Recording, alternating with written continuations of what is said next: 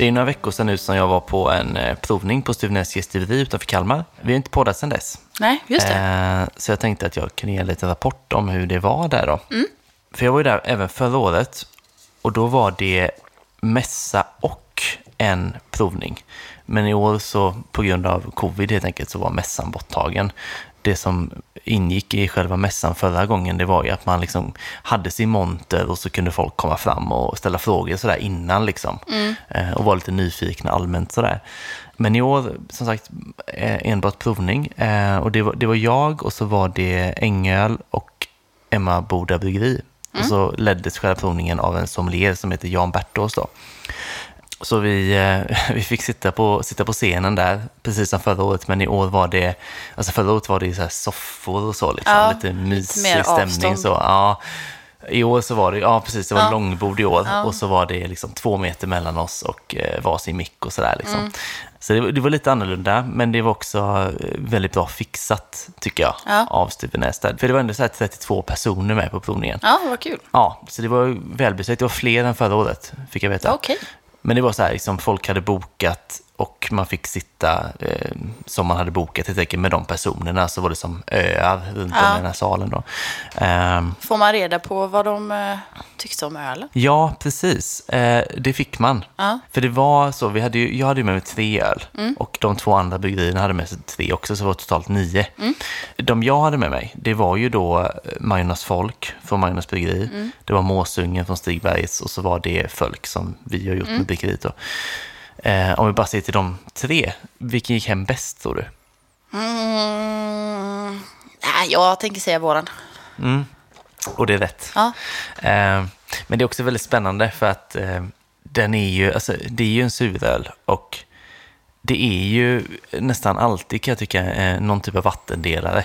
Ja. Antingen gillar man det jättemycket eller inte alls. Så, så känns det verkligen. Och det, just på den här provningen så man märkte att det var ganska många som kanske aldrig druckit suröl. Vissa kanske rent av inte visste att suröl existerade.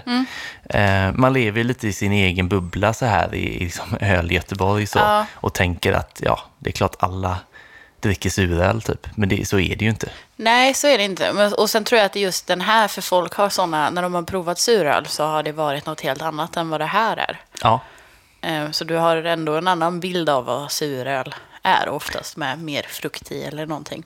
Precis. Och eh, det, var, det var bland annat en, eh, en äldre man då, eh, ja, en gubbe helt enkelt kan vi säga. Eh, han, han var kanske var 75 eller sådär. Eh, hans omdöme var ju då eh, odrickbart. Odrickbar. Ja, ja så det, äckligt. Ja, men, precis, men det där tänker jag man bara får ta liksom. Ja, ja, ja. Det, det Ja. liksom satt jag och log när han sa. För det var så här, det är klart han tycker det. Alltså han har ju alltid druckit en viss typ av öl. Ja. Han vill ju ha sin, sin liksom beska och maltighet och sådär. Det är ju så han vill ha Ja, det. och alla har ju rätt till en åsikt. Ja. liksom... Han var ju superärlig också, Ja. så att, eh, varför inte? Men det var, det var många som gillade den också. Mm. Eh, och Josefin på, på Ängöl, hon, hon tyckte eh, folk var klart bäst. Ja, Så hon eh, var med i handuppräckningen där och skickade upp en hand. Det var väldigt härligt. ja vad kul. Bra mottagande, Mm, måste säga. kul. Ja, väldigt kul. Eh, och alla, alla tre folkölen så de med, eh, gick hem, gjorde de verkligen. Så det, det var också... Ja, det är tre väldigt bra öl. Ja, det är ju det precis. Och lite olika stilar sådär. Så det är väl lite vad man, vad man gillar helt enkelt. Mm. Ehm, men eh, ja, det var ju två timmar höll vi på. Oj, Ehm, och då, för egen del, så jag pratar ju mest om, om folkölen så, men man får ju liksom frågor på, man får vara på hugget lite grann, för man får ju frågor om allt möjligt. Eh, om de andra ölen och sådär också. Så eh, sen efteråt där var man ganska seg alltså. Vi hade ju gått upp tidigt då för att åka, för det tar ju fyra timmar att åka till Kalmar med tåg. Åh, jäklar. Ja, så tidigt upp. Och så provningen och sen på kvällen var det en trerätters middag med ölpaket. Och sen var det liksom godnatt. Så, Ja, så men ni slapp åka hem tio samma typ. dag i alla fall. Ja, vi åkte dagen efter, Ja. precis. Ja, så vi, vi bodde ju över där. Så det, det var en väldigt härlig helg, måste jag säga. Mm. Så vi- det, känslan är väl att det fortsätter nästa år också, tänker jag. Ja, Kör man en, eh, en sån grej, ett, ett coronaår, så lär man ju köra året efter också. Ja. Ja, men så väldigt kul grej så. Men då, eftersom det inte var någon mässa, jag tror att jag hade halvlovat att ta med mig lite tygpåsar. Men jag hade inte med mig några. Nej. Eftersom eh, det inte var någon mässa helt enkelt, så var det liksom inte riktigt läge att ha med dem. ah, nej. Så vi får väl prata om det nu då. att man kan köpa dem. Ja, Ja, helt enkelt. Precis. Eh, en för 120, två för 200. ja. Eller om man är Patreon, en för 80, två för 150. Min eh, far eh, ringde förra veckan och ville att jag skulle lägga undan två till eh, honom. Ja, du ser. Är han Patreon? Eh, nej, det är han inte. Han är inte så haj på det här med teknologi så att jag kommer swisha dig pengar för de påsarna så kommer han ge mig kontanter Ja, antagligen. Det Men, blir, men det blir fullpris helt enkelt. ja, ja, precis. Inga familjerabatter. Nej, nej, nej, nej. nej. Eh, och vill man bli Patreon, Ja, patreon.com, p-a-t-r-e-o-n.com. Sök på Följpodden, tryck på Become a Patreon och sen följer man stegen där då. Ja. Eh, så bra rabatt på påsarna och även eh, poddmaterial varje vecka. Ja. Plötsligt istället för varannan vecka. och ett sätt att typ stötta oss i, så att vi kan fortsätta hålla på. Mm. Så är det också. Exakt så. Jag tänkte också bara på en annan grej. Mm. Eh, det här kan bli sista gången vi pratar om detta, kände jag nu. Ja, va? Eh, och därför drog på det lite grann. Jag vill inte att det ska vara så riktigt. Men antagligen så är det sista gången som vi pratar om vår öl med Ja. bryggeriet. Nu är den slut. Slut. Mm. Jag vet, i förrgår fanns den kvar på ICA Fokus. Den har varit ett litet svart hål för mig. Mm. Man har haft koll, man har fått så eh, statusrapporter från eh, folk som har varit och köpt den lite överallt annars. Mm. Men inte ICA Fokus. Men nu var det en kompis som var där och köpte och sa att det fanns Just det. kvar. Ica Fokus är den utåt Mölndal, va? Nej, det är ju Maxi du tänker på. Det är Maxi. Fokus är ju den Mm. vid Gårda, Just det. vid Korsvägen. Ja, just det. För Ica Maxi, de, de sålde ju dem med förlust antagligen. Ja, första laddningen. Ja, de sålde för 32 spänn. Jag tror inte att de har det i inköp ens. Nej, de kostar Eh, väl så nu får man- 39 tror jag. Ja, något sånt. Ja. Så nu får man Eller betala 35. lite mer. Men ehm, ja, i alla fall, det är slut på Brill. Ja, Det är slut på Bryggeriet. Det går inte att klicka hem dem längre. nej. Så det som är i butik, det är det som finns. Så om man ser den så, ja, det är läge att köpa den för det Ja. kommer ingen påfyllning. Nej, precis. Det gick fort. Det gick fort. Och jag tycker det är väldigt kul eh, varje gång någon eh, liksom taggar en i eh, att de har köpt den och är Mm. så glada över att de har hittat den och nyfikna på att eh, prova. Ja, Även om vi, det blir återsäljaren bara, men det är inte jag, jag har ju inte bryggt ölen. nej. Men vi skulle ju kunna kalla oss för fantombryggare Ja, det skulle nog kunna göra. med lite hybris. Ja, nej men precis. Nej men alltså, nej, jag tycker också det har varit jättekul och vi, man, man märker att det, när det kommer fredagar, Mm. Då rasslar det till. Folk som korkar upp den på fredagen. Ja. Det har jag märkt väldigt, väldigt tydligt. Och du sitter och kollar Untapped. eh, Ja, dels det, men folk som skriver på Instagram och sådär. Ja. Mm. Det är ju superkul eh, att få lite feedback så. Men just, ja precis, eh, även om man inte handgripligen har bryggt den så känns det ju som att man ändå valt en tydlig inriktning för den. Ja, Så det är väldigt kul att folk gillar det som den nu smakar. ja liksom. jättekul. ja, så, så fortsätt skicka små meddelanden om ni dricker den helt enkelt. Ja, det är jättekul att höra vad folk eh, tycker. Ja. Det var en eh, kille som eh, tyckte den smakade Trocadero. Men det såg jag. Ja. Så nu blev jag sugen. Jag har faktiskt inte druckit den efter det. Men jag blev sugen på att testa den igen bara för att... Mm. Ja, jag fastnade också vid det och jag, jag kände att jag kunde förstå det på ett sätt. Ja. Men så kunde jag inte riktigt placera det, så jag måste också känna efter. Ja, jag tänka. älskar ju Trocadero. Så att det, Ja, ja. det är faktiskt gött. Trocadero Sour, nästa grej. Ja, Ja. Ja, ja, Vad är jag på. Trocadero?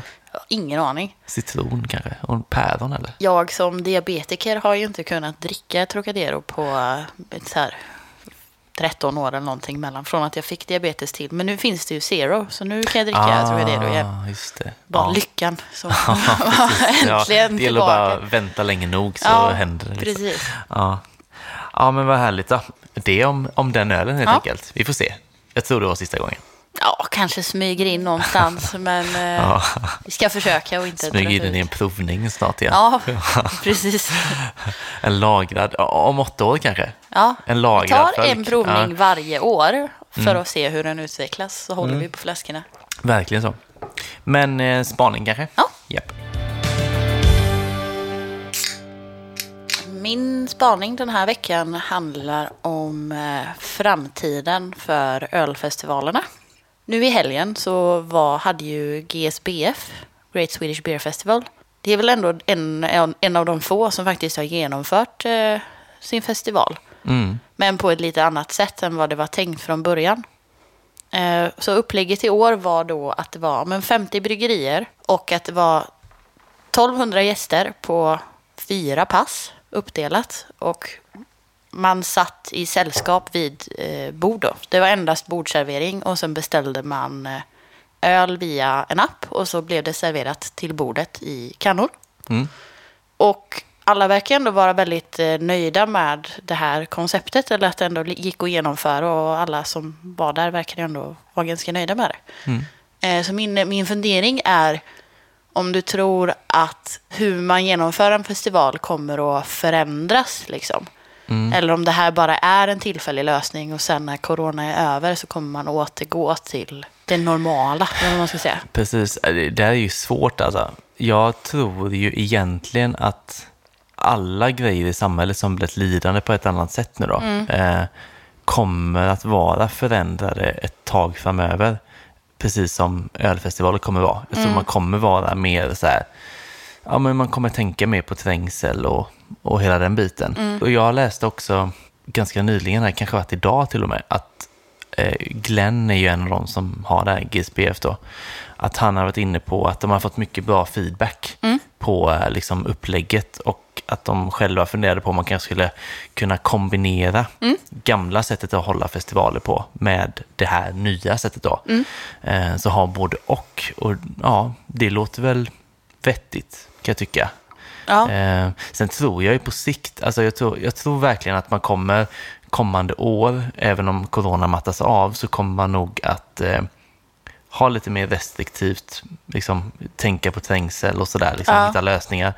Men sen tror jag tyvärr att människan är sån Ja. att om tio år så är vi tillbaka Ja. igen. Och det är väl fine då, antar jag. Ja. Är det ingen pandemi så Nej. visst, men sen kommer den väl igen om hundra år. Ja, och då får man börja om. precis. Men det är väl lite sådär det funkar, tänker jag. Ja.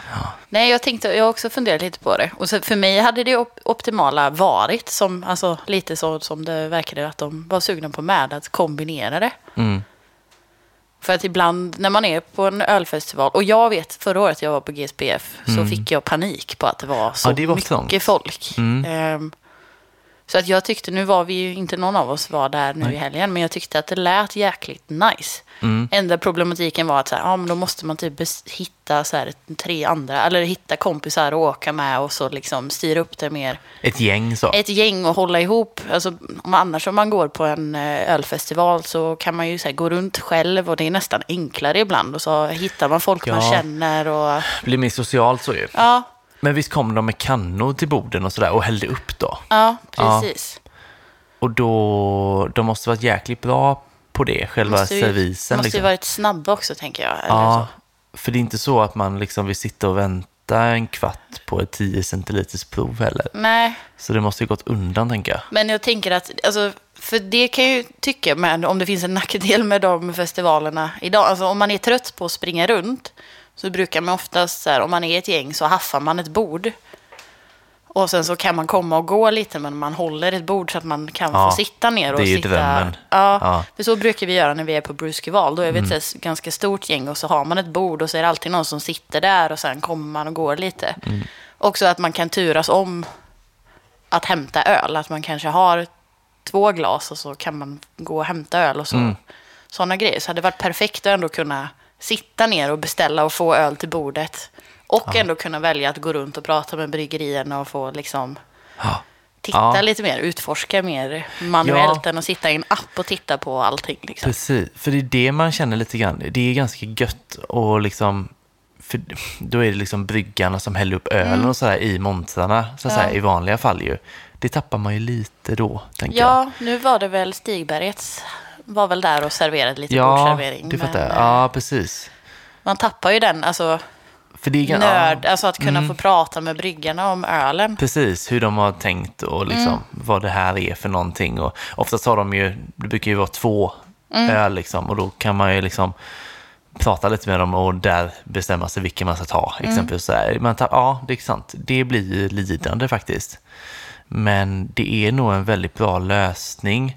Eh, även nästa år tänker jag. För det känns ju som att vissa saker är i förzonen även nästa år. Ja, så får man nog, man börjar sakta men säkert in, inse Ja. det nu att det här kommer hålla på länge. Ja, så om fler jobbar som GSBF gjorde nu så kanske man ändå kan se fram emot lite festivaler nästa år. Ja. Om det sker på det här sättet. Eh, de känns ju ganska långt fram, GSBF, i liksom hur de tänker och sådär. Tycker jag eh, redan förra året, för då, då hade de ju, eh, visst hade de en app för att Man istället för betalade pollettsystem och så. precis med telefonen. Och det vet jag att öl och whiskymässan här i Göteborg eh, försökte sig väl på om det var typ 2018.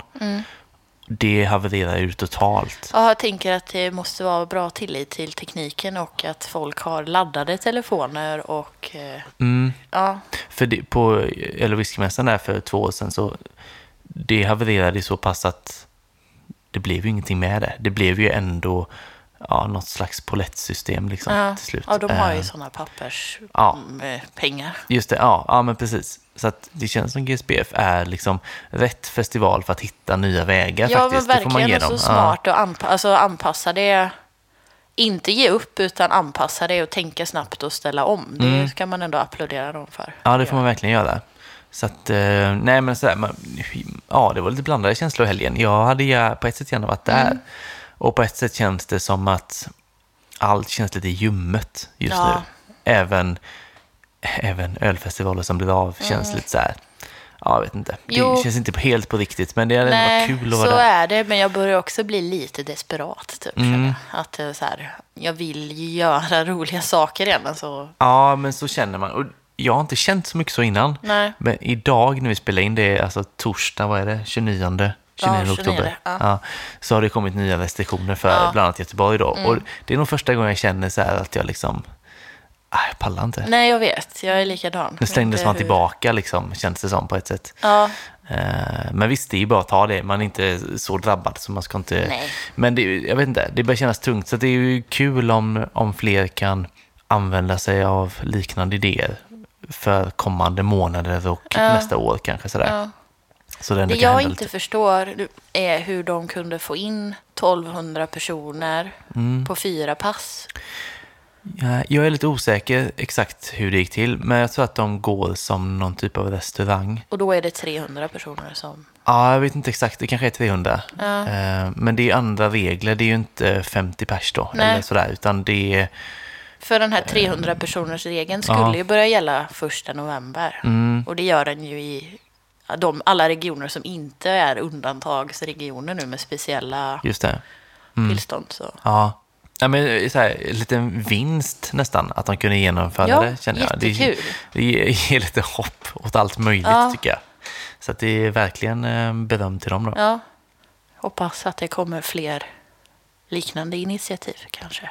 Ja, verkligen. Och eh, alltså, det är så svårt att säga hur länge det här kommer pågå, men jag tänker exempelvis Bruceval nästa år. Mm, Det brukar vara augusti, väl? Det känns ju långt tills dess, men samtidigt märker man att det här kan ta väldigt lång tid. Men är man Ja. då också utomhus, det känns som att det borde kunna gå att hitta någon lösning. Ja, för de har ju flyttat den till, den som skulle vara till augusti flyttat till slutet av maj nästa Just år. det, ja, blir det inte omöjligt heller kanske. Nej, jag vet, fast nu är man, Annan form då, är man men... ja. bitter tänkte jag säga. För i början när det här började så var det typ två månader. Ah, det är över om två månader. Ja. Och nu är det bara ett halvår. Nej, det kommer inte. Nej. Nej, och det som är så här, nu är det ju också, eh, vi liksom, nu när vi spelar in så är det, det är ju alla helgona helgen nu Mm. eh, som kommer här. Och jag tänkte tillbaka på förra året. Eh, då hade vi en sån riktig jäkla helg, för då var vi på, på konsert på Pustervik på torsdagen förra året den här tiden. Ja, Eh, Just det. Sen var man på GSBF på helgen. nej, sen var man på All In Beer Fest på helgen. Ja, just det. Allhelgona, ja. ja. Ja, precis. Halloween precis. var eh, GSBF Ja. och allhelgona helgen efter var Yes. All in Beer Fest. Så var det. Så det var så här tre dagar som var konsert på Pustervik, All In Beer Fest och sen var det fotboll Ja, dag tre. ja, just och nu bara så här, det där, allt är en utopi nu. Ja. Eh, så då, då blir det så här tydligt liksom, fan det är inte som innan riktigt. Nej. Eh, så att, ja, som sagt, fler sådana lösningar, det vill vi ha. ja. För då kan det bli lite kul ändå. Låt oss leva. Låt oss, låt oss. Nej, men, ja. ja. Ja. ja, men så ser det ut i alla fall. Men, vi hoppas på en kombination då. Ja, det, är, det tror jag. Det är nog framtiden ett Ja. tag framöver i alla fall. Känner oss klara? För vi har en gäst med oss idag. Ja, kommer bli jättekul tror jag. Ingen av oss har ju träffat henne tidigare. Nej, precis. Det gör det extra kul faktiskt. Ja. Eh, Så det blir extremt spännande. Vi plockar in henne. Vi har ju då med oss en gäst idag för andra avsnittet i rad.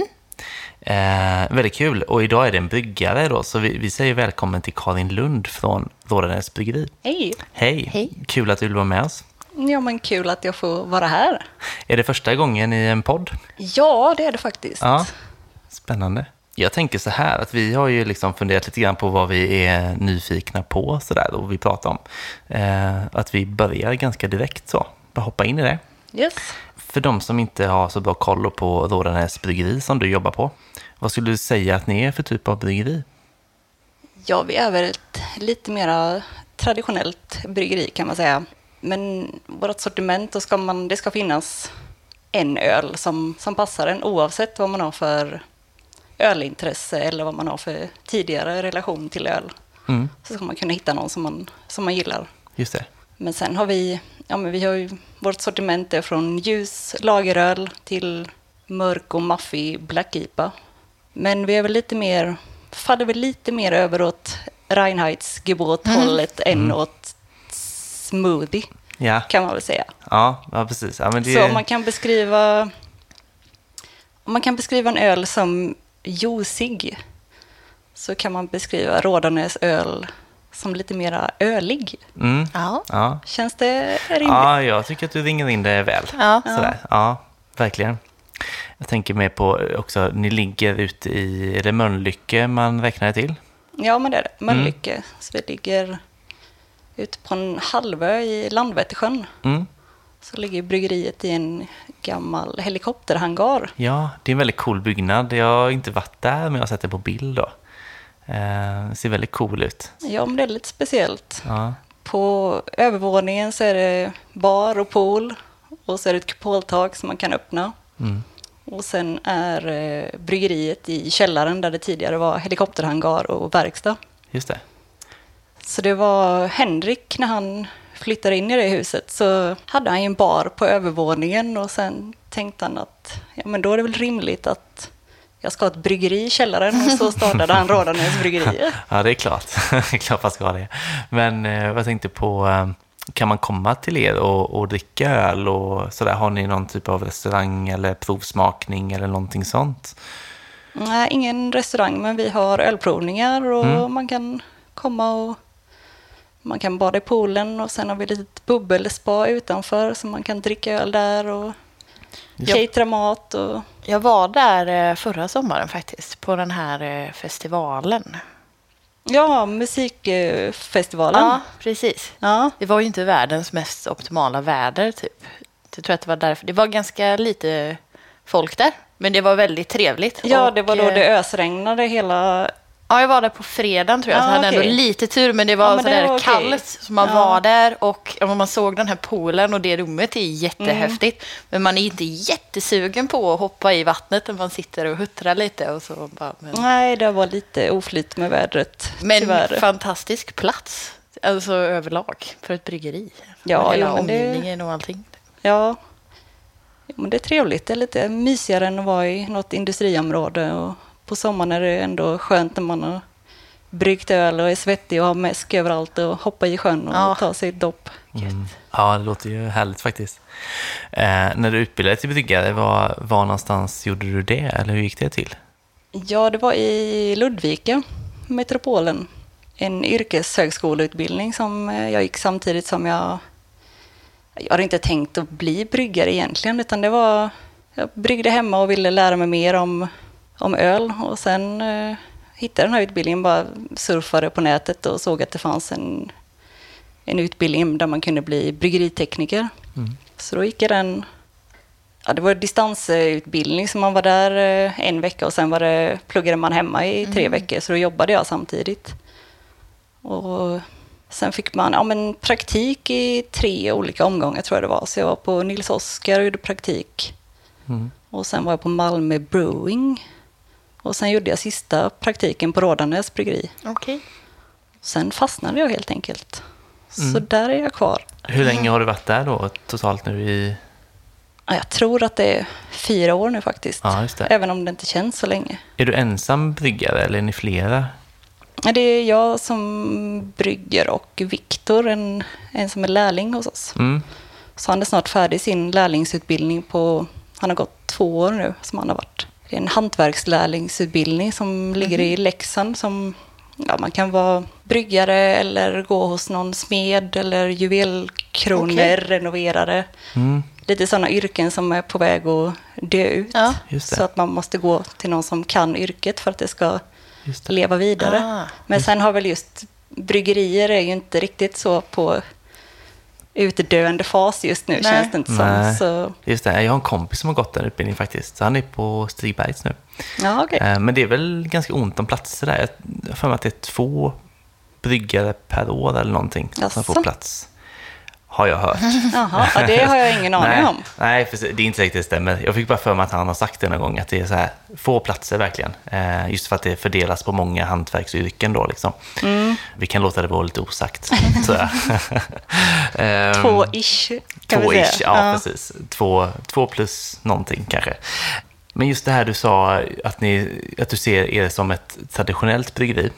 Mm. Eh, det är någonting vi har pratat lite grann om tidigare i podden. Att det är ju, öl är ju ganska hypat oftast. Och då har vi kanske refererat mycket till liksom olika nejpa och sura eller sådär. Liksom. Att det blir lite så här tävlan nästan. Vem kan ha mest humle i? Vem kan ha, vad har man i suröl och sådär liksom. Och att ni är som bryggeri kanske då som står lite utanför det och brygger blandade stilar och inte fullt så, inte följer hypen på samma sätt. Är det svårt att liksom motstå att göra exempelvis en New England-IPA eller en suröl för att det är det som liksom är ja, inne just nu exempelvis då? Mm, nej, men det är inte så svårt att motstå. Vi fokuserar nog lite mer på att ölen ska kunna matchas ihop med olika maträtter. Mm. Så vi jobbar lite mer mot restauranger och kan ja, istället för att finnas på ölhak till exempel så finns vi mer på restauranger om man ska kunna använda öl och para ihop med mat lite på samma sätt som, ja, men som man gör med vin som ändå är det traditionella man det. gör. Ja, Och sen är vi väl lite mer ett lagerölsbryggeri än ett IPA-bryggeri. mm. Och det är väl för att vi gillar lager lite mer helt enkelt. Ja, det är så. Tror jag. Ja. Är det favoritstilen hos dig också, eh, lager just? ja, men jag tycker nog det är...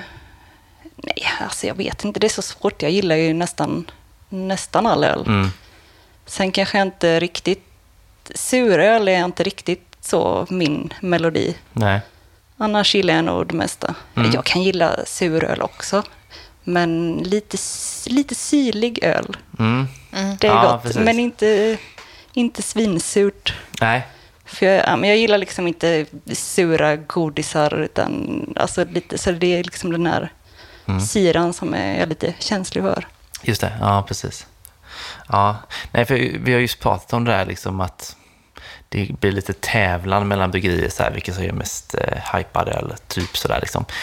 Jag, jag tycker ju själv att det är ganska skönt med bryggerier som Rådanäs, då exempelvis, att det blir öl på ett annat sätt. Eh, och just att ni liksom riktar er mer till restauranger och sådär för att liksom matcha och sådär. Det blir, vad ska jag säga, eh, jag tycker det känns lite befriande att man också gör den ölen som man liksom... Det känns som ni gör den ölen ni vill göra verkligen.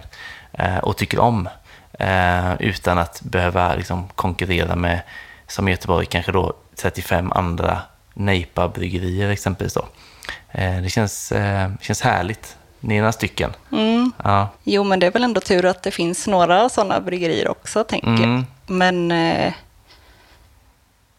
det beror ju lite på. Vissa vill ju ändå släppa en ny öl hela tiden. Mm. Och vissa konsumenter vill bara ha ny öl hela Ja. tiden. Så det, Det är väl lite olika målgrupper helt enkelt. Eh, som du säger, många Ja. vill ju ha ny öl ständigt, liksom, testa nya så.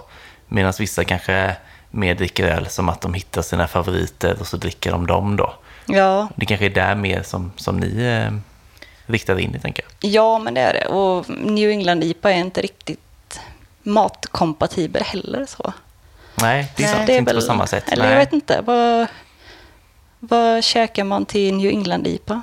Alltså jag har väl kört lite så här till taco sådär, lite så, här- lite så starkt så. Ja. Tycker att det funkar okej, men det är ju inte optimalt för den delen. Det känns som att den, en sån dricker man gärna som den är. Ja, det är väl det bästa egentligen. Ja. Absolut. Jag är ju en, eh, en ostmax-människa. Jag är inte så angelägen om att laga mat till mig själv. Så jag lever det är på ostmackor New rostat England bröd. IPA. Ja, men det som man märker är typ om man bara ska äta någonting snabbt och sen så här, tar man en öl för att det är fredag eller någonting. Så tycker jag alltid att IPAn blir så jävla spritig. Efter att jag har börjat äta mackan. Liksom. Att den kan vara ganska god innan. Så nu har jag undvikit att typ dricka öl till mina ostmackor för att smak, alltså den blir väldigt mycket Är det spritigare. morgonen vi snackar om nu eller? Vad sa du? Är det på morgonen vi Ja, snackar? precis. Ja. Morgon, morgonölen. Ja. Men ja. Hur ofta gör ni nya produkter? Eller, vad man säger? eller har ni liksom ett, ni har hittat era öl och så jobbar ni med dem? Eller utvecklar ni ändå liksom nya, nya öl inom stilarna? Eller förstår du vad jag menar? Ja, nej, vi har ju våra, vårat sortiment som vi, som vi jobbar med och sen släpper vi ju inte nya öl sådär särskilt ofta. Nej.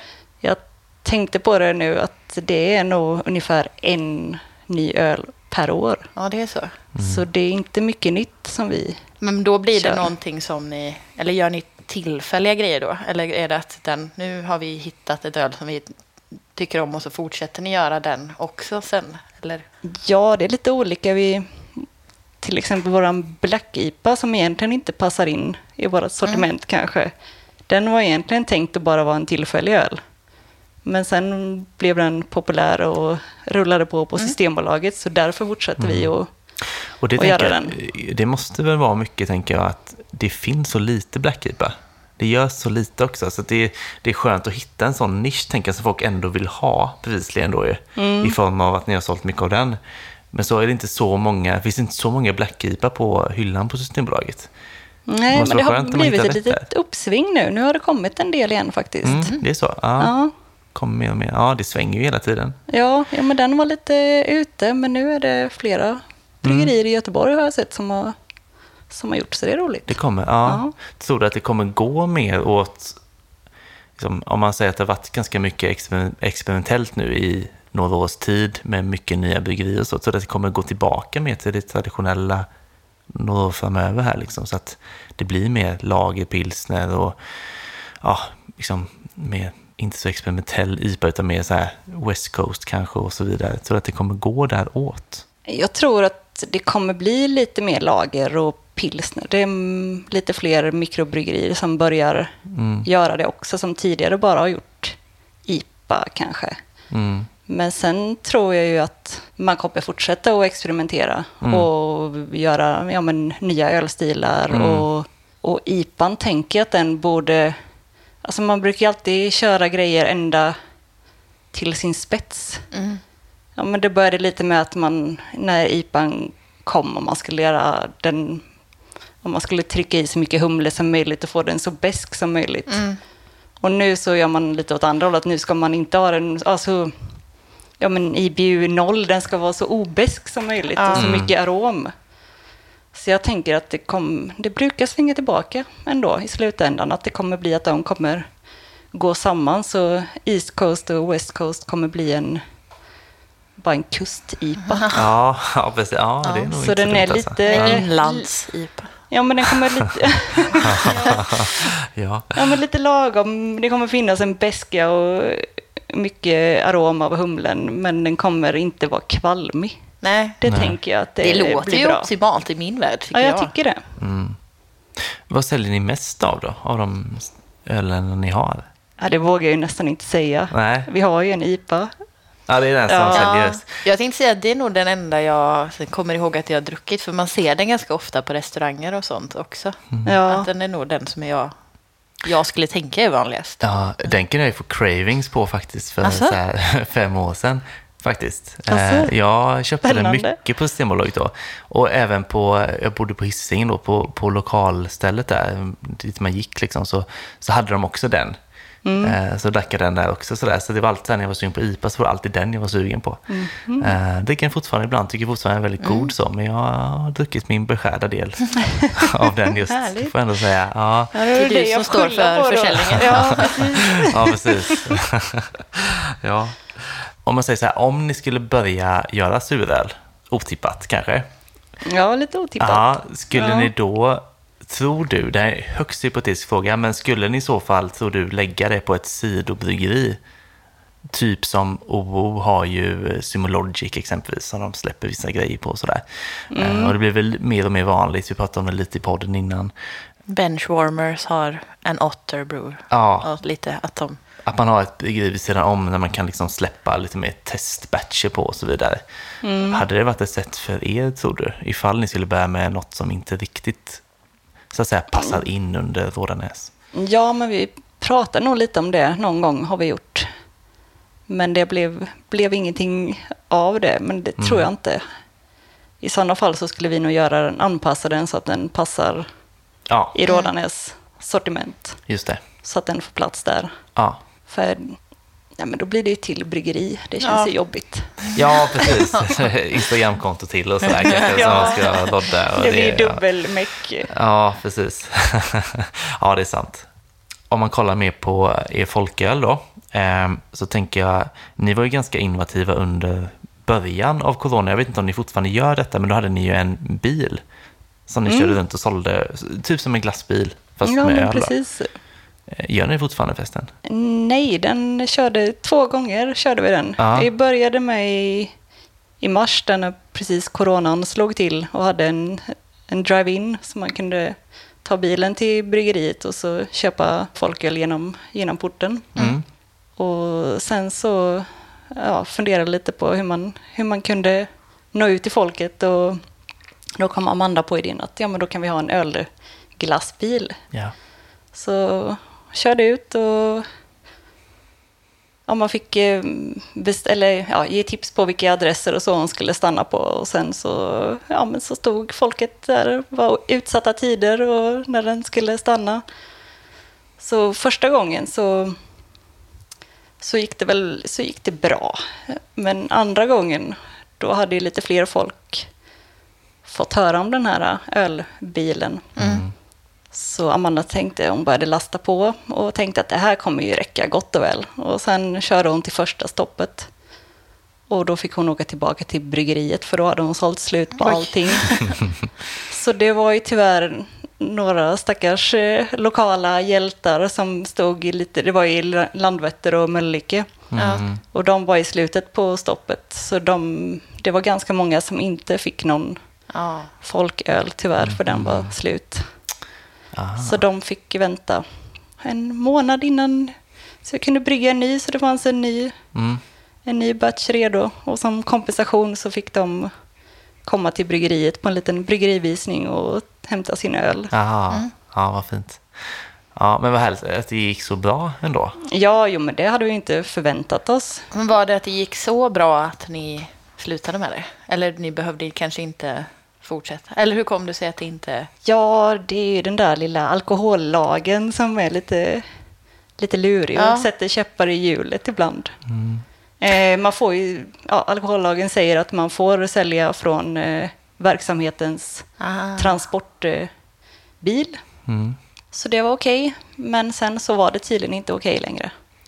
Nej. Så det beror väl på hur man tolkar lagen, Det tänker nog, jag. Ja, precis. Det är nog ett klassiskt eh, problem, tänker jag, som, som också har lite erfarenhet av eh, myndighetsstrul, eh, sådär, eller Mm. ja, vad man ska kalla det. Men eh, just att, jag tänker att när ni första gången gjorde det här, så visste de kanske inte riktigt vad de bedömde. Och sen så sjunker det in hos dem sakta men säkert och så känner de att det här kanske inte var helt okej ändå.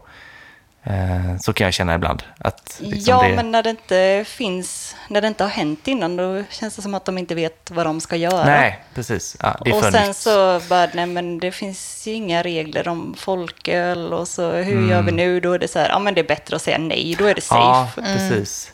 Och det är ju frustrerande. Sen, eh, jag vet inte, som i ett läge, ni, eh, ja, kanske det skulle kunna överklaga någonstans ändå. Eftersom det inte står Ja. antagligen någonstans i, i lagen om det, tänker jag. Så blir det, det blir väldigt godtyckligt. Ja, och det är men det synd att det det. går till ett nej då. Ja. Det kunde varit ett ja lika väl kanske. Mm. Nej, jag vet, när ni började med det här så blev jag väldigt sådär eh, intresserad och så skrev jag till er på Instagram och det var säkert inte du som svarade, då. det är säkert någon annan kanske då. Nej, det var nog Amanda. Ja, Ja. precis, för henne har jag skrivit mig igen sen. Ehm, och frågade liksom just hur det gick till, att ni fick göra det här liksom. Och då, då skrev hon det liksom, ah, men det är lugnt sådär liksom, det här får vi göra liksom. Men då blev det ändå till slut att ni stötte på patrull någonstans där då ja. Ja, Ja, vi fick göra det först och sen inte. ja just Så det. de ändrade sig lite. Ja, ja men det är väl klassiskt kanske. Men det, det känns som att det skulle kunna bli kanske okej någon gång igen kanske. Men nu säljer Mm. ni ändå lite från bryggeriet ibland. Ja, men det gör vi. Vi har öppet så annonserar vi ut det att, man Ja. kan, att vi kör folkölsbutik på fredagar har vi haft så man kan komma och Mm. Så ställer Olle upp lite pall så att det blir coronasäkert så att det blir eh, enkelriktat så man kan gå in och Ja. handla på säkert avstånd. Mm. Så där kan man ändå få tag på ölen, även om inte glassbilen kommer längre. Man, jag blev så himla glad när jag läste om det första gången, för det är ett väldigt roligt eh, koncept tycker jag. Ja, det är klockrent ju. Ja. Ja, och alla var så lyckliga. Det var ju folk som hade grillfester och stod och väntade. Och. Ja. och sen, ja, ölen ju ganska väl mottagen också för några har ju bara, ja, som sa att ja, men vi köpte ölen för att vi ville stödja Mm. ja, men vårt lokala bry- bryggeri. Men Mm. nu måste vi köpa den igen för den var ju fantastisk. Det, Ja. Vi bara köpte den för att stödköpa liksom och sen Precis. var ju hur god som helst. Så det är lite kul också. Ja, just det är ju kul för att jag tänker att just folk kanske tänker att ja, det är folköl eller det kanske inte är så. Alltså man har en, en, eh, man har en syn på vad folköl är typ. Och så Ja. kommer ni med eran eh, bil och så köper de eran folköl och så är det något helt annat. Ja. Väldigt smakrikt plötsligt. Och det, tror det är många som får upp ögonen för liksom, ja, men folköl överlag genom en sån grej exempelvis då. Ja, jo men det tror jag. Mm. För det är ju väldigt mycket som har hänt de senaste åren här nu på folkölsfronten och det kanske inte... Ja, men då kanske man inte har handlat folköl Nej. på ett tag och sen Nej. så får man sig en glad överraskning. Exakt så. Har ni planer på att göra andra folköl eh, framöver eller står ni fast vid Ni har ju en nya målet ja, vi så har det en, så är... det... vi får se lite. Ja, Nej, men vi har ingen ny folköl på gång har vi Nej. inte. och ni har aldrig funderat på att göra lättöl eller sådär? Det har vi snackat om också, att lättöl är lite så här... Det är väl lite halt på utdöende fast det känns ändå lite halt på gång så man vet inte Ja. riktigt vart den kommer ta Nej. vägen riktigt. Men eh, har ni någonsin funderat på att göra lättöl? Mm, nej, det har vi inte. Nej. Det är nog folkölen som är den, den lägsta varianten vi kör. Ja, precis. Men eh, får se. Mm. För lättöl hade du fått sälja via bil, tänker jag.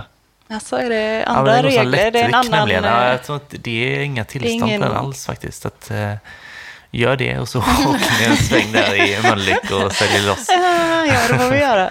Ja, Bara för att vi ska få köra med tutan och komma med öl. ja precis. Ja, men det tycker jag låter som en idé. Ja, Du har ju med dig er eh, folköl idag. Ja, det har jag. Som heter halvöl ju. mm, den är fyndig. Den är det för att ni Den- är på en halvö helt enkelt. Ja, den ligger ju, heter ju Rådanäs halvö. Mm. Så när vi pratade om vad den här ölen skulle heta så sa jag bara på skoj att ja men Rådanäs halvöl. Mm. Och sen fick det bli det. Mm, ja, men det tycker jag var helt rätt faktiskt. Eh, jag tänker vi skulle kunna eh, testa den med dig eh, och så kan du berätta lite mer om den ölen helt enkelt. Ja, absolut. Mm. Yes. Toppen.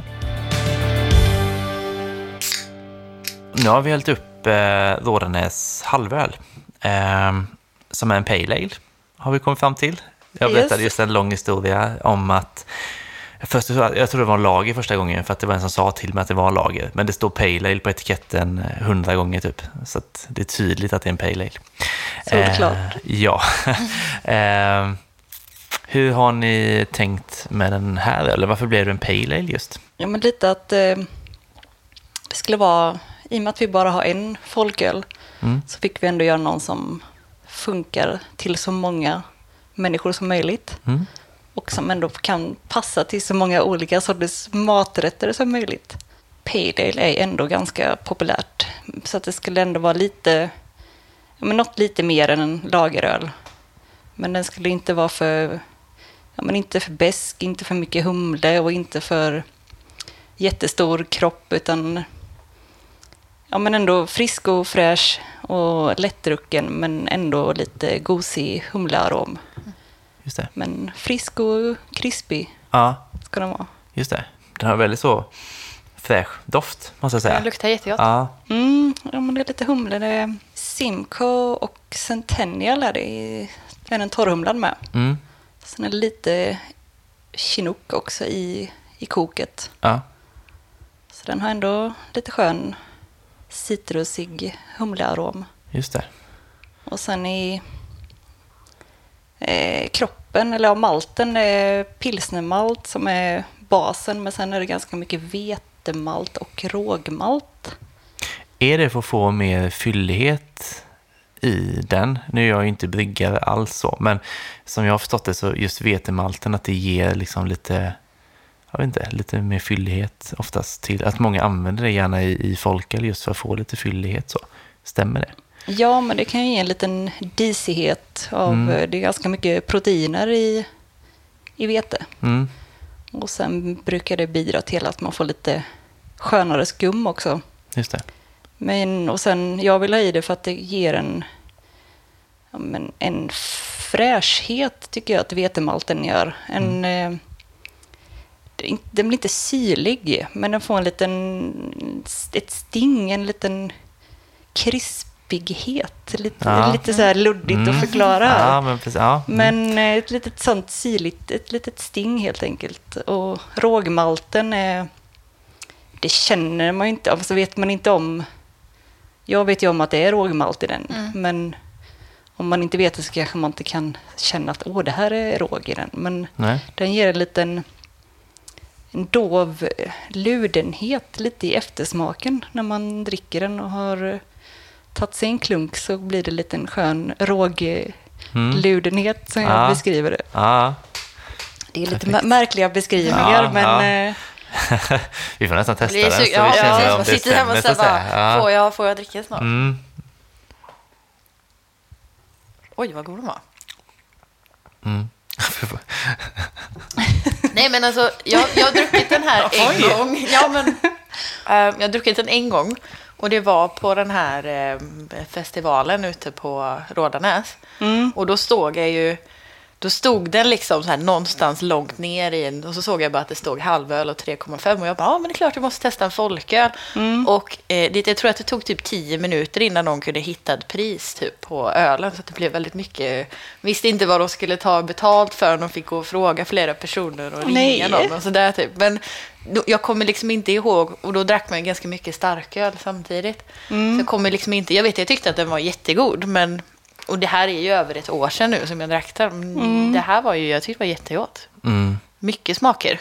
Ja, alltså, jag, vi sålde den här på Fölk och sådär, så att jag har alltid gillat den här. Jag känner att den har en jäkla fin eh, fyllighet och sen gillar jag ju, och lite som du beskrev det, att det skulle, ja, alltså, den har ju liksom fylligheten och sen kommer ju, alltså humlen gör den ju väldigt fräsch och fin. Men den är ju väldigt eh, fruktig också. Jag tycker Ja. att det finns en bra, men som du pratade om innan det här med West Coast och East Coast och det ska vara balanserat. Så tycker jag att det finns liksom en fruktighet och en beska och så liksom lite ändå. Och just det här som du sa, till, att den ska tilltala många olika öldrickare och att det ska liksom funka till mat och sådär. Ja. Det är ju väldigt mitt i prick, måste jag säga. Jag tycker den är toppen. Vi pratar ju ganska ofta om dels folköl som bra måltidsdryck, liksom så här, även liksom, mitt i veckan och sådär kanske. Men också vissa ölstilar som passar väldigt bra. Det här skulle jag säga passar toppen alltså. Men om man inte kan åka till bryggeriet, var kan man få tag på den här? Går det? Eh, ja, men den finns på några ICA-butiker runt om oss i krokarna i Ja. Mölnlycke och Landvetter. Men annars så får man åka till bryggeriet och handla Ja. av oss. Så folköl i stort. Köpa mig en bil så får jag åka. Åka runt, ja. Precis. Ja, eller så får vi brumma igång Rådanäsbilen igen. då. Ja, köra igenom högst på höjd här. Ja. Ja. Perfekt. ja, men då när ni brygger en sån här öl, Mm. då är det mindre mängd malt. Ja. Är det också mindre mängd humle? Eller har man liksom, för ni har ju en pale ale som är starkare som ligger på 5, någonting kanske? Ja, eller? fem plus. ja. eh, Skalar man ner humlemängden också för att hitta balansen då? Mm, ja, men det får man göra. Mm. Man behöver anpassa väldigt mycket saker om man ska brygga en lite mer alkoholsvagare Mm. öl. För det blir mer, det kommer fram så mycket mer. Alla smaker blir liksom förstärkta i en Mm. folköl. Bäskan får man vara väldigt försiktig med. En, jag bryggde en batch av den här och då var det en ny eh, årgång på humlen Ja. samma humle, samma eh, mängd. Det var liksom ingen skillnad i alfasyran på den, men den var bara lite mer potent. Mm. Så då kom det fram jättemycket mer. Och det kanske inte hade märkts i en lite mer alkoholstarkare pale ale. Då hade man inte känt någon skillnad, men bara för att det är en, en lite mer delikat eh, och kä- känslig öl, får man Ja. säga, då, då märks det mer. Just det. Ja, det är lite samma sak med till exempel ja, men kolsyran också, eller alla aspekter. Man får liksom vara mer... Man får vara lite finkänslig när man brygger. Det är väldigt små skillnader, eller... Ja, en liten så här ändring i receptet kan ge en stor skillnad på ölet. Mm. Så kolsyran till exempel, där tycker jag att det är en väldigt fin linje mellan att det är för lite kolsyra eller till att det svänger över och blir för mycket. Mm. Så det är liksom en sån här, det finns nästan ett, en exakt punkt så här, nu är den bra. Och det får inte bli lite för mycket och inte lite för lite. Medan på andra öl så kanske det är ett jättelångt spann man har att röra sig på. Ja. Ja, för det där är ju just med folköl tycker jag att det kan vara vissa grejer som alltså man kan reagera på. Om det är för mycket kolsyra i så känns det nästan som att bryggeriet vill liksom täcka över något annat. Mm. Kan jag uppleva. Samma, de ganska få bryggerierna som gör en, en eh, porter eller stout som är 3,5. Att man kanske trycker på med kaffe eller choklad för att liksom ölet i övrigt kanske är lite tunt eller liksom sådär. Eh, att man vill liksom ha en tydlig smak. Och som sagt samma med kolsyra, att mycket kolsyra för att då kanske liksom det frissar så mycket i, i munnen då så man kanske inte känner riktigt alla smaker sådär. Det, det ja. gäller ju att få till en väldigt fin balans. Ja. Alltså. Det är ju så. Och kolsyran är ju viktig alltså. Det glömmer man ibland. Men eh, ja, även den ligger bra tycker jag. Ja, alltså jag blir inte klok på smaken. För det, det, är som en, så här, det är en smak jag känner igen, men jag kan inte säga vad det är. Typ. Är det något i humlen eller malten, tänker du? Jag vet inte, men så, den är väldigt, det är nästan lite så här gurka. Alltså jag först tänkte jag säga att det var så blommigt typ. Men det är också lite så här gurka fräschör. Alltså det är en smak. Här, för mig är det en dominerande smak i ölen som är väldigt fräsch och fruktig. Men det är inte, jag vet inte. Nej. Det, det är pinpointa vad det är. Söker någonting. Ja, Ja. men det är något, något från humlen Ja. i humlekombinationen tillsammans med malten där. Och det, men det är lite det som är intressant med, med öl och smaker också, att det liksom... Ja, men om du upplever det Ja. som gurkblomma så Ja. kanske jag upplever det som ja, men något annat. Alltså, det är ingenting som är rätt eller fel. Nej, vi pratade om det förut innan du kom. För att det var Mm. en som... Vi har ju släppt en folköl med Bräckeriet. En, en collab som vi gjorde. Mm. Eh, och då var det någon som hade testat den och beskrev det som Trocadero. Och det har Okej. jag aldrig sett. Jag älskar ju Trocadero, men jag har aldrig tänkt på den när jag har druckit den. Så nu blir jag liksom, ja, nu får jag testa den igen och sen se om jag kan hitta den smaken också. Kanske. För oftast kan det bli så när någon säger en smak så kan man hitta den. Att man, man, ibland har man Ja. svårt att beskriva vad det är man känner i smakerna. Liksom. Ja, och sen om någon säger ett ord också. Om jag säger att jo, men den här mm, den luktar eh, banan och Ja. smakar banan. Då kommer man ju bara tänka på banan och så tycker man att det smakar banan. Mm. Man, faller, man är så lätt manipulerad. Ja, Man faller för så här minsta lilla, så bara, men när man associerar. Ja, men precis. Ja. Så det är ändå lite kul att man kan... Jag har gjort lite tester och så här på folk och eh, sagt saker. Ja.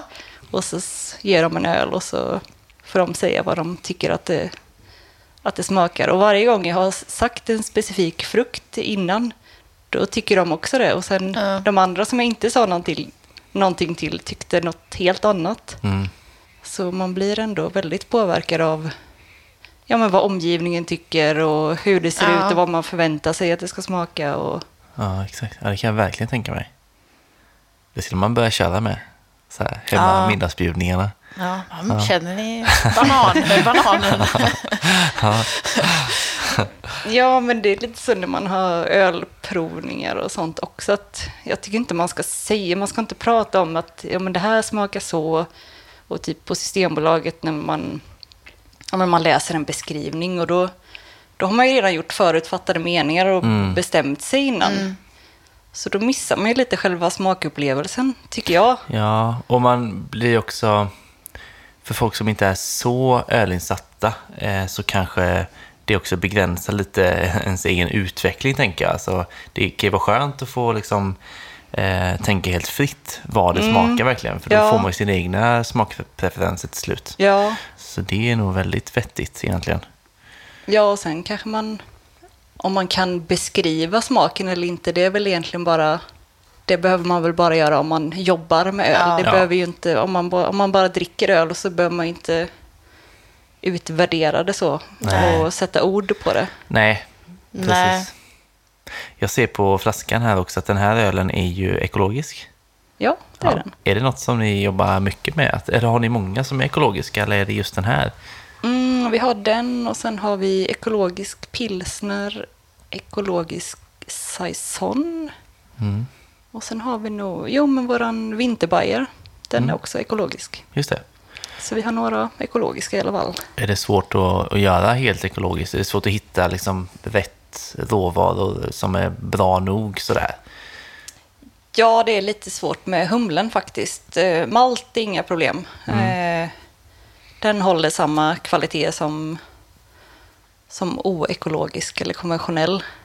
Men just humlen och när man är ett litet bryggeri så kan man inte kontraktera en gigantisk mängd Nej. ekologisk humle. Och det finns ingen humleodlare som vill chansa och odla upp lite dyr ekologisk humle och sen Mm.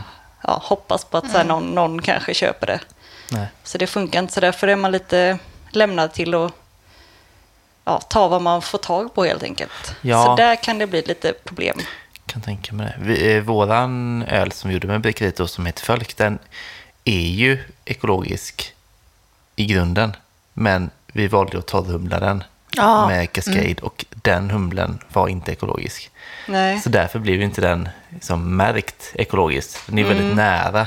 Men eh, då hade de ju liksom, ja det är ju sån här, jag vet inte, det kanske är samma för er att vissa produkter i en öl är ekologiska men så är inte alla det. Så får man, man får inte märka den ekologiskt, som inte allt är ekologiskt antar jag. Eh, jo, men det finns, man kan få lite dispens där Mm. eh, hos eh, Livsmedelsverket. Okej. Om det, man inte får tag på en viss råvara, om inte den finns att tillgå ekologiskt, då kan man få dispens och använda konventionell i, jag tror det är upp till 5% av eh, råvarorna. Okej. Okej, ja ja. Men då måste man ansöka om det och sen får man bara det en viss tid. Och under den tiden ska man då ha hittat, ja då ska den råvaran kanske finnas ekologiskt eller så ska man ha hittat en likvärdig Mm, produkt så man har lite tid på sig. just det. Ja, spännande. Jag hade ingen aning om faktiskt. Nej, inte jag heller. Nej. Men eh, supergott ju. Ja, verkligen. Mm, vad kul. Eh, ja, Jag tar verkligen. med en liten klunk här med då. Ja, så jag du är nöjd med ditt jobb helt enkelt. Ja, det var en bra dag på jobbet. Ja, vad härligt. Ehm, vi tänkte ju eh, ha med dig på våran eh, provning som vi brukar ha i varje avsnitt också. Eh, vi testar två öl idag. Ehm, så jag tänker att vi kanske dricker ur det här och sen så häller vi upp två nya då. Yes. Yes. Nu har vi hällt upp en, eh, en ny folköl i glas eh, som då är Toöls A Little Goes A Long Way som de själva benämner som mikro-IPA. Och det är väl att översätta till någon typ av session-IPA egentligen. En, en liten IPA helt enkelt. Den här kom väl i somras någon gång, början av sommaren om jag minns rätt. Jag tror det. Jag har själv druckit den några gånger och framförallt i somras. Eh, tyckte då att den passade jättebra de, de eh, varma dagarna verkligen. För det här är ju en New England IPA får man ju benämna det som tycker jag. Eh, Och att den är 3,5 så gör den ju ganska, ja, en lättare variant liksom. Så jag minns det verkligen i somras att den var toppen då, eh, när det var så hett. Ja, Ehm, jag vet också att jag drack den en, en av de här dagarna då det var sådär riktigt varmt. Mm. Eh, Men det ska bli kul att prova den igen, för då vet jag att jag tyckte att den var liksom lite tunn i kroppen. Mm, Men det var för att den kom typ samtidigt som Stigbergets...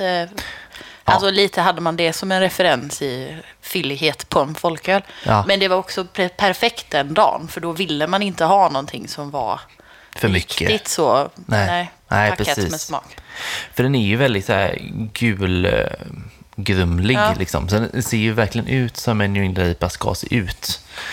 Det ser väldigt trevlig ut, Ja. tycker jag. Vad säger du Karin? Jag vet inte om det är ljuset här, men det ser, det ser nästan lite persikofärgad ut. Men det är kanske bara att det är lite mörkt här. Ja, det är lite mörkt, men det kan nog ändå stämma, skulle jag säga. Ja, den är ju Ja, den är ju varm. den är högst oklar. Ja, man ser ju inte igenom den. Nej. Nej, så doftar ju ganska tropiskt sådär. Ja. Tropiska frukter. Um, Den doftar mer, alltså, doftar mer än vad jag än vad du minns. minns. Ja, ja, precis. En liten touch av lök. Ja, Lite stingig humle så. mm, Ja. precis. Ja, exakt. Nu kommer jag och lägger, Ja, det är jättebra. Ja, men det är Och, eh, lägger så här smaken i Ja, munnen precis. på Du er. kommer bara känna löken när Ja, du jag förstör ju för er. Nej, men jag känner inte så mycket lök. Eller för mig är det mycket sötare i... eh, Ja, Eller? jag kanske är lättpåverkad då, men jag känner också lök nu. Jag säger det. Man ska inte säga någonting. Då är det förstört. Vi hade ju, det var några avsnitt hade vi, eh, vi skulle kora den bästa IPAn, så vi provade tio stycken eh, Oj. IPA. I blindo då. Ja, Ja, ehm, det är lite av ett jobb att ja, göra. det, Ja, det var det faktiskt. Ja, det Ja. var, ja, det var kul, men det, ja, det var stressigt och rangordna också. Men då var det någon av oss som sa lök om en av ölen. Och så var det så här, ja men vi måste ju dricka samma för det här är också lök. Sen så visade det sig att det var olika i slutändan tror jag. Ja, var men samma. båda de två ölen hade citra i sig. Ja, Så att det och- var ändå, Ja, fast... men det var Nu- helt två olika lököl vi Precis. pratade om. Men om man känner lök från humle så är det inte citra egentligen va? Eller jag har fått för mig att det är någon annan humle som är lökig, typ Galaxy kanske? Ja, det kan det vara. Det Mm. kan vara lite olika humlesorter. Ja, Och sen beror det också lite på... Men det behöver inte vara sort. Det kan vara vilken... va- Vart humlen kommer ifrån. När den är skördad. Den kan... Om en humlesort skördas tidigt så kan den få en smak. Och om den skördas senare så kan den få en annan smak. mm, Så det behöver inte just vara en specifik humlesort. Nej, utan det okej. kan vara när den har blivit skördad och vilken humleodlare den kommer ifrån. Okej. Och hur den har behandlats lite så. mm. Hm. Ska vi testa på den här då?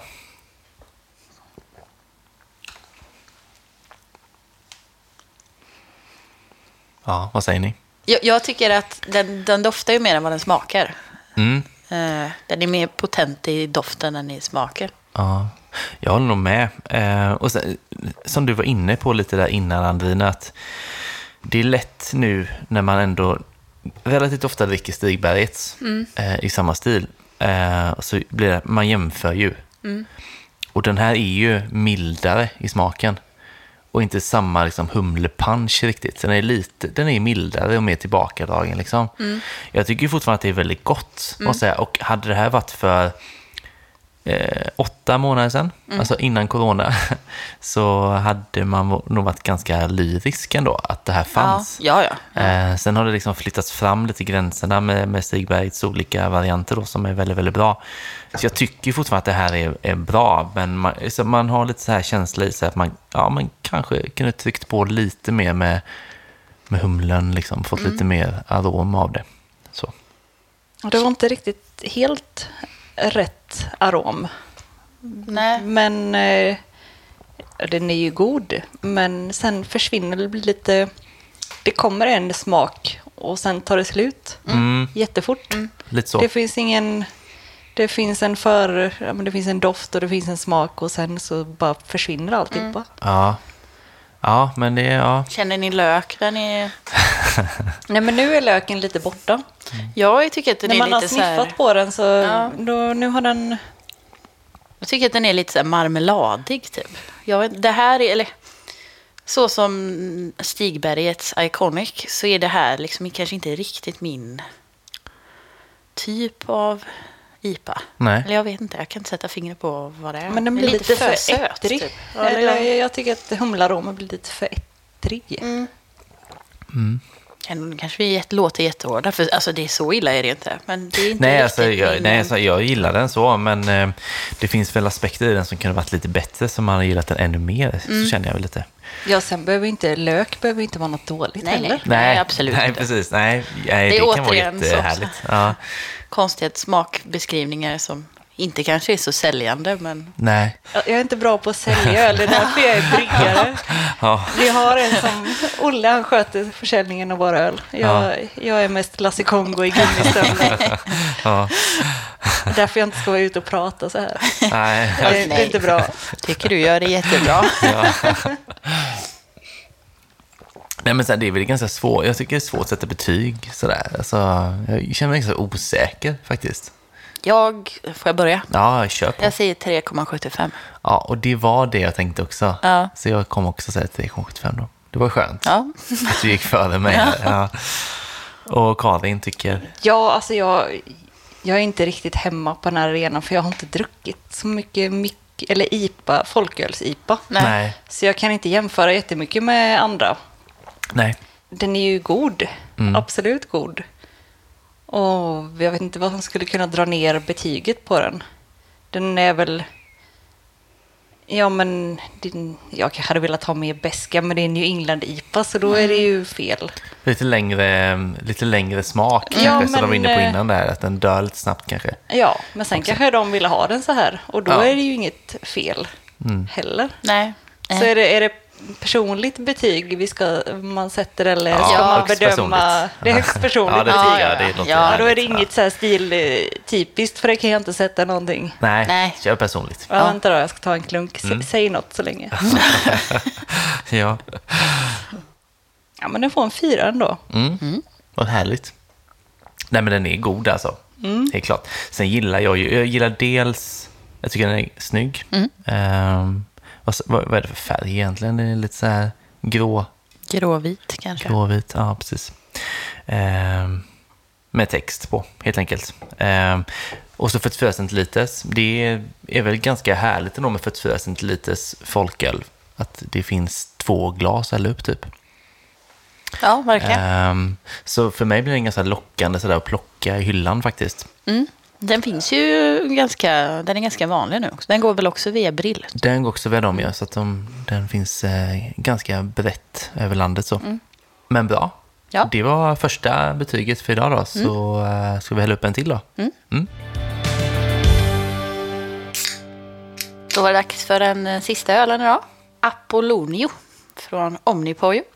Det var länge sedan vi drack någonting från Omnipojo nu tror jag. Ja, det var nog faktiskt. Passionsfrukt sour. Kort och gott. Ja, ganska ny väl. Ja, den är nog kanske en månad sedan jag köpte den. Ja, På, I Linné. ja precis. Ja, jag har sett den dykt upp eh, på senare tid. Ja. Lite här och var. Så det är också en öl som är ganska, ja, ganska lätt att få tag på att säga nu, men det är väl så. Alltså det är också Jag tänker att det Återigen här... Brill. Vi är inte Precis. sponsrade av Brill, Nej. men eh, den Vi kanske borde bli snart. Vi kanske verkligen borde bli det. Ja, Ja, fast vi är ju... Andreas är ju ändå Patreon, så lite sponsrade. ja lite. Ja. Ur egen ficka. Ja, precis. Ja. Ja. Vad- Jag hängde inte riktigt med på vilken stil. Eh, Eh, sour står det bara. Passionsfrukt sour. Passionsfrukt sour. Ja. Det går som sour ale bara då, Ja. kanske. Har de inte skrivit ut det mer Nej, så? För då är det ingen bara- Berlinerweisse exempelvis. Nej. Så hade det väl stått det, jag tänker. Bryggd på The Proof Mm, i Belgien. just det. Så det man kan förvänta sig är egentligen surt och Surt. passionsfrukt då. Jag vet inte, har ni doftat eller? Mm, nej, jag har inte... Jag har tittat lite på den. Den är Mm. ljus och klar. Ja. Ja, alltså nästan så skulle det kunna vara en pilsner om man Ja, tittar på men den. faktiskt. Eh, inte långt därifrån. Nu tog jag en doft och kände att den är inte supersur antagligen. Det känner du på doften. Det är imponerande. ja, Jo, jag vet inte om det är så här, men, men eh, kanske. Ja. Men det känns mer syrlig än eh, toksur, va? ja, jag skulle nog hålla med dig. Ja, Men, eh, där. Ja. Men man känner väl också, eh, passionsfrukten känner jag, fast samtidigt är väl inte det en, en frukt som är supertydlig i doften, tänker jag. Nej, men jag tänker när vi drack eh, Sombrino. Det var ju Mm. också passionsfrukt. Var det Berliner Weisse? Oj, jag minns faktiskt inte det. Men den var ju väldigt potent i. Det var ju som Ja. att sticka ner näsan i. Precis, ja, den hade mycket mer doft av Ja. passionsfrukt faktiskt. Men jag tycker ändå att den här har. Jag tror jag har sagt det förut, att jag kan tycka att passionsfrukt kan få lite så här, nu ska jag det här med att sätta fel ord i, om du sa lök, jag kommer Ja, säga fotsvett. Eh, ja, passionsfrukt, fast jag tycker inte att den här eh, har det riktigt. Nej, Vilket är en bra grej, för då så här, börjar man tänka den tanken, så bara nej. Men, Ja, nej det känner jag inte. Jag känner Nej. någon... Ja, men det är fruktigt och sen är det någon kryddighet i det också.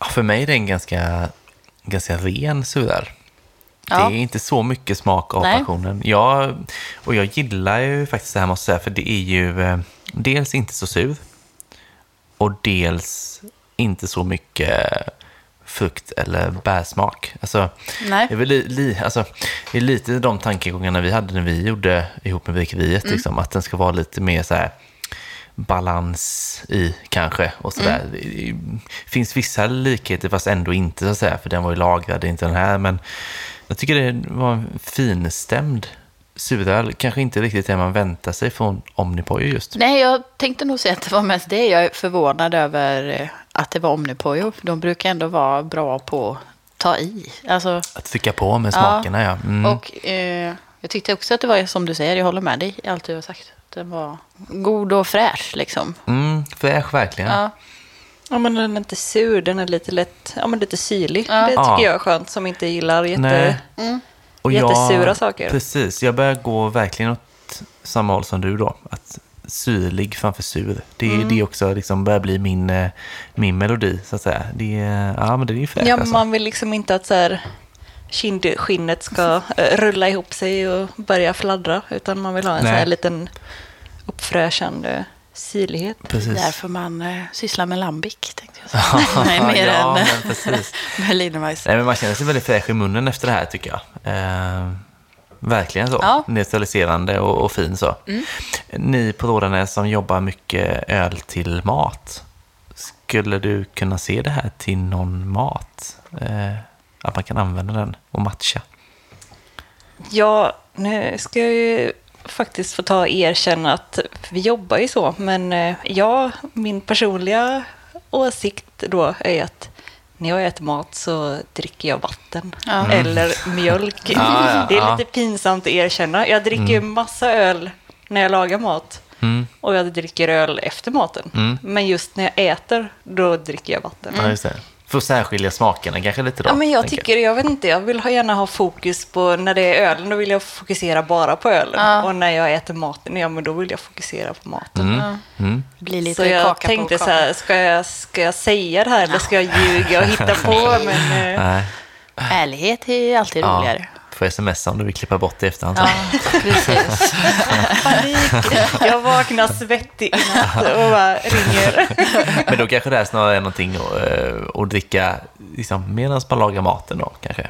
Ja, det tycker god, jag, eh, men, eh, men det känns ju som att det skulle vara gott till ja, men asiatiskt.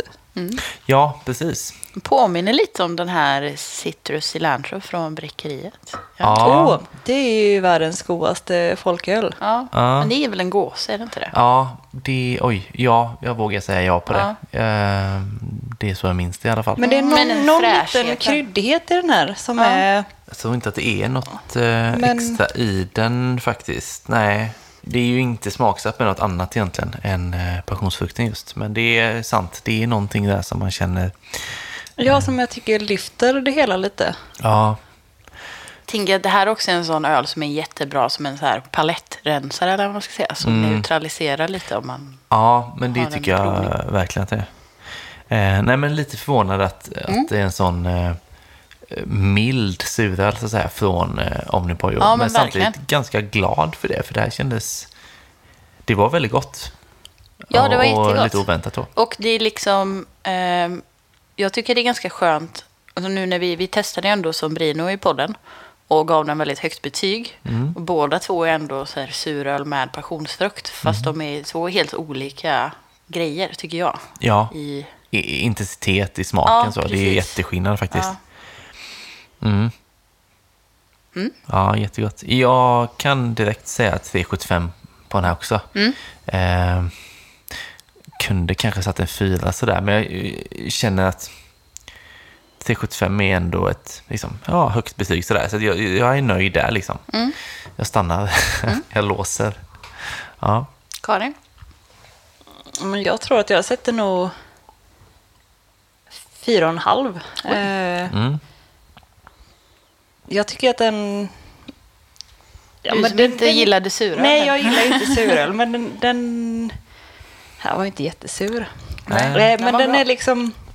Ja, men det är passionsfrukt, men det är inte jättemycket så att det smakar ja, men passionsfruktsjuice, utan det är... Bara, det är inte så att allting har sjunkit till botten. ligger en frukt där ja, nej, Nej, ja. men den är, så här, den är fräsch och den är god och den har en liten härlig kryddighet som jag tycker var, var skön. Men gud vad Så- snål jag kände med dig. En fyra säger jag. ja, jag skulle också säga fyra, Ja. minst. ja. Ja, Men det blir en fyra eller? ja jag tror det. Ja. För egentligen, jag hade önskat att mer suröl gick åt det här hållet faktiskt. Ehm, att det liksom inte behöver vara så på, alltså så mycket av allting, utan att det här är ju bara liksom väldigt gott. Det är bara ändå börja med balans, Lambic, drick gös. Liksom. Ja. Har du någon bra folkölstips då? Ja, folköl är lite svårare kanske. Ja. men Vi har ju en som vi själva har eh, gjort. Ja, det är sant. Ja, Trocadero. Ja, Trocadero, precis. ja. Är- Den måste jag ju testa. Du kan få med dig en flaska. Ja. Ja. ja du ser. Ja. Eh, ja, men fasen härliga betyg ju. Ja. Det är, ju, det är mycket, ofta det är högt betyg nu, men jag Ja. tror verkligen att vi kanske är lite snällare. Vi kanske också, eh, det är nog bättre kvalitet. ja, så tror jag. Mm. Och vi är nog mer, jag tror att vi kanske är mer säkra på att vi tycker att det är gott och vågar stå för det kanske. Vad har du, jag. betygen gått uppåt med? Ja, men vi, det känns Ja. som att vi... Vi upplever det så i alla fall. Ehm, att det är, liksom, det är mycket fyra uppåt. Ja. Så. Jag vet, vi hade någon period där som var Har så här, ölen blivit bättre eller har ni blivit eh, mer generösa? Ja, men det kanske Ja. är så. Och sen tänker jag att det kanske beror på att vi nu när vi tar med oss någonting till podden så kanske vi också vet lite mer innan att det kommer vara bra. Eller Mm. att man ändå... Ja, Mm. i början var det mycket mer upptäckande av Ja. saker man inte hade testat eh, innan. Alltså, Och jag vet, någon gång vi hade eh, typ kanske två avsnitt i rad där vi gav eh, så här halvlåga betyg. Eh, och så la vi upp på Instagram i samma veva så här, vad vill ni, vad vill ni ha mer av i podden? Och någon som var lite rolig och skrev så här, ja, folköl som ni tycker om.